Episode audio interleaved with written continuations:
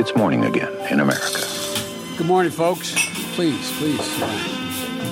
Come on, let's go. Let's go get some coffee. Thank you very much. God morgen. Det er 17 dager til caucus-valget i Iowa, 25 dager til primærvalget i New Hampshire, og morgenkaffen er servert. Riksrettssaken mot Donald Trump er nå formelt overlevert fra Representantenes hus til Senatet.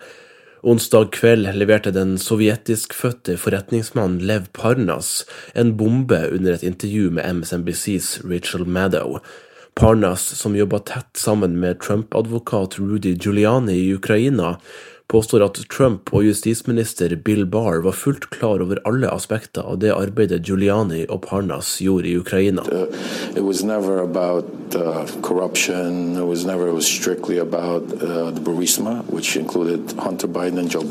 Han hevda videre at Trump ikke bare trua med å tilbakeholde militærhjelp, men alle former for økonomisk støtte til Ukraina, med mindre landets styresmakter annonserte en etterforskning av tidligere visepresident Joe Biden og selskapet Burisma. Do you know if Mr. Giuliani was ever in contact with Mr. Barr specifically about the fact that he was trying to get Ukraine to announce these investigations into Joe Biden? Oh, absolutely. That Mr. was- Barr knew about that. Mr. Barr had to have known everything. Drar seg til i kampen om støttespillere for den demokratiske nominasjonen. I går ble det kjent at representant Annie Custer fra New Hampshires andre kongressdistrikt offisielt støtta Pete Buttigieg. Hun er det første medlemmet av New Hampshires kongressdelegasjon som kunngjør en støtte til en kandidat i 2020, og Neil Levesque fra New Hampshire Institute of Politics var imponert.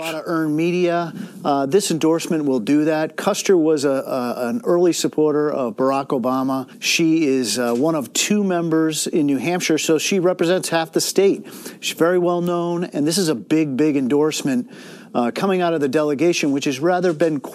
Og i går fikk Amy Klobuchar støtten til delstatsrepresentant Karen Ebel i New Hampshire.